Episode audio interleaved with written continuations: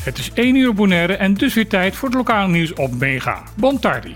Ik ben Martijn Schmuller en dit zijn de onderwerpen die wij voor jou hebben gevonden. Vakantiepark-exploitant Europark Group trekt zich voor een deel terug uit Bonaire.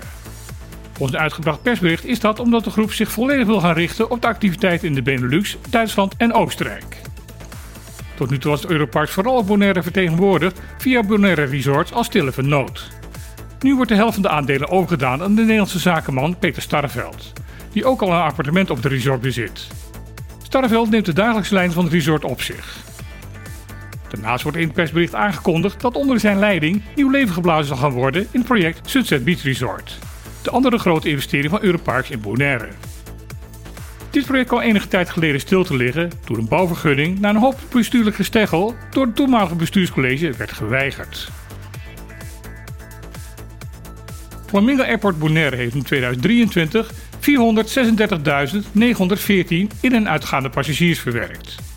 Dat is 3,1% meer dan in 2022 en 10,8% meer dan voor de COVID-periode. Het is daarmee een record. Het aantal bezoekers uit Noord-Amerika bleef vrijwel gelijk. Het aantal gasten uit Europees Nederland daalde met 8%. De stijging van het totaal aantal verwerkte passagiers werd vooral veroorzaakt door een groei van 23,4% in het aantal passagiers van en naar de buureilanden. De directie van BIA denkt dat er ook in het komend jaar een lichte stijging van het aantal passagiers zal zijn. De verwachting is dat het regionale verkeer verder zal toenemen en daarnaast een lichte stijging te verwachten is in het vliegverkeer naar Noord-Amerika. Eind deze maand zal een flinke groep dierenartsen en ondersteunend personeel vanuit Europees Nederland naar Bonaire komen. Hun doel? In een week tijd zoveel mogelijk honden en katten te castreren of te steriliseren. Twee maanden geleden stelde dierenopvang Fondation Knoekenkakelvers dat het opvangen van dieren eigenlijk dweilen is met de kraan open.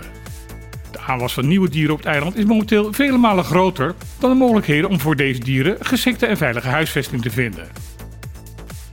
Omdat de ondersteuning vanuit de overheid volgens de dierenorganisaties nog steeds als minimaal wordt ervaren, is nu deze actie opgezet. De inzet van de Nederlandse dierenartsen is hierbij volledig op vrijwillige basis. De actie wordt door veel Bonaire enthousiast gesteund. Zo hebben diverse restaurants aangeboden om maaltijden voor de vrijwilligers te verzorgen. De ex-CEO van de Curaçao's elektra- en waterbedrijf Aqualectra, Tarek Jonas, wordt verweten zijn werk niet goed te hebben gedaan. Dit is te lezen in een brief die drie ex-commissarissen van het bedrijf aan de verantwoordelijke minister Sander Seintje hebben gestuurd. Het was de taak van Jonas om het bedrijf te reorganiseren en te moderniseren. Dat is volgens de voormalige commissarissen niet gebeurd. Er was ook onvoldoende aandacht om de cultuur binnen het bedrijf echt te verbeteren. Mede daardoor werd er niet geleerd van gemaakte fouten. Verder weigerde Jonas te luisteren naar de advies van de Raad van Commissarissen. Zo wilde hij, ondanks sterk aandringen, geen technische directeur aanstellen. In hun brief stellen de ex-commissarissen dat ze eerder door de verantwoordelijke minister in hun werk zijn tegengewerkt dan ondersteund. Dat is ook de reden waarom ze eind december een functie bij Aqualectra hebben neergelegd. Dit was weer het lokale nieuws van vandaag op Mega.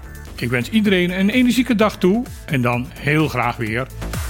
Tot morgen!